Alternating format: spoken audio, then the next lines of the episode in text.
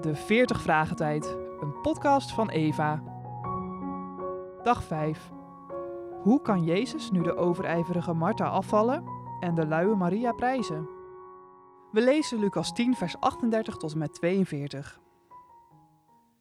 Jezus en zijn leerlingen gingen verder en zij kwamen bij een dorp. Daar woonde een vrouw die Jezus uitnodigde om bij haar thuis te komen. Ze heette Martha en haar zus heette Maria. Maria ging bij de Heer zitten en luisterde aandachtig naar zijn woorden. Maar Martha was druk bezig met de zorg voor het eten en het drinken. Ze vroeg aan Jezus: Heer, mijn zus laat me alles alleen doen, dat kan toch niet? Zeg tegen haar dat ze mij moet komen helpen. Toen zei de Heer tegen haar: Martha, Martha, maak je toch niet altijd zoveel zorgen? Er is maar één ding echt belangrijk: dat je luistert naar mijn woorden. Maria heeft dus de goede keuze gemaakt. Mijn woorden zullen altijd bij haar blijven.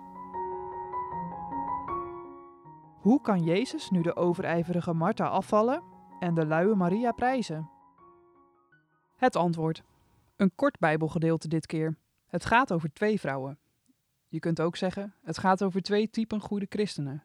Dus niet goede christenen en slechte christenen. En dan zou Martha de slechte christin zijn? Kom nou.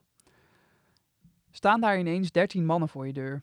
Of je maar koffie en thee wil verzorgen en het liefst iets lekkers erbij. Oosterse gastvrijheid. Je loopt je de benen uit je lijf. En wie had jou moeten helpen? Je zus natuurlijk. Maar nee hoor, die zit lekker bij de mannen om naar Jezus te luisteren. Zo kan ik het ook. Wat vindt u daar nou van, Heer? Dat mijn zus mij helemaal alleen laat bedienen. Zeg er eens wat van. Laat ze ook eens de handen uit de mouwen steken. Maar nee, Jezus geeft haar op de kop en neemt het voor Maria op. Lastige geschiedenis. Wat deed Martha nu fout en wat deed Maria goed? De tekst zegt: Martha werd in beslag genomen door het vele bedienen. Daar zit hem de moeilijkheid. In het voorval waarin Maria de voeten van Jezus zalfde, lezen we: En Martha bediende. Daar was niks mis mee. We worden allemaal opgeroepen om Jezus en zijn volgelingen te dienen, maar in beslag genomen worden door je bediening is levensgevaarlijk. Het is de valkuil voor iedere christen die Jezus oprecht wil dienen. En wel dat je bediening belangrijker wordt dan Jezus zelf. Hoe meer je mag doen in het koninkrijk van God, hoe groter die valkuil wordt. Let op dat woordje ook in vers 39, dat je in de moderne vertalingen niet terugvindt. Het lijkt te suggereren dat Maria wel degelijk haar zus Martha in het bedienen geholpen heeft, maar ze begreep veel beter welke balans we in het leven nodig hebben. Wie veel voor Jezus doet, heeft, als hij niet oppast, geen tijd meer om naar Jezus te luisteren. Maria begreep dat wat Jezus haar te vertellen had belangrijker was dan alles wat zij voor Jezus zou kunnen doen. Maria had het goede deel gekozen. Daardoor kreeg zij veel meer diepgang en kwam ze ook veel dichter bij het hart van Jezus.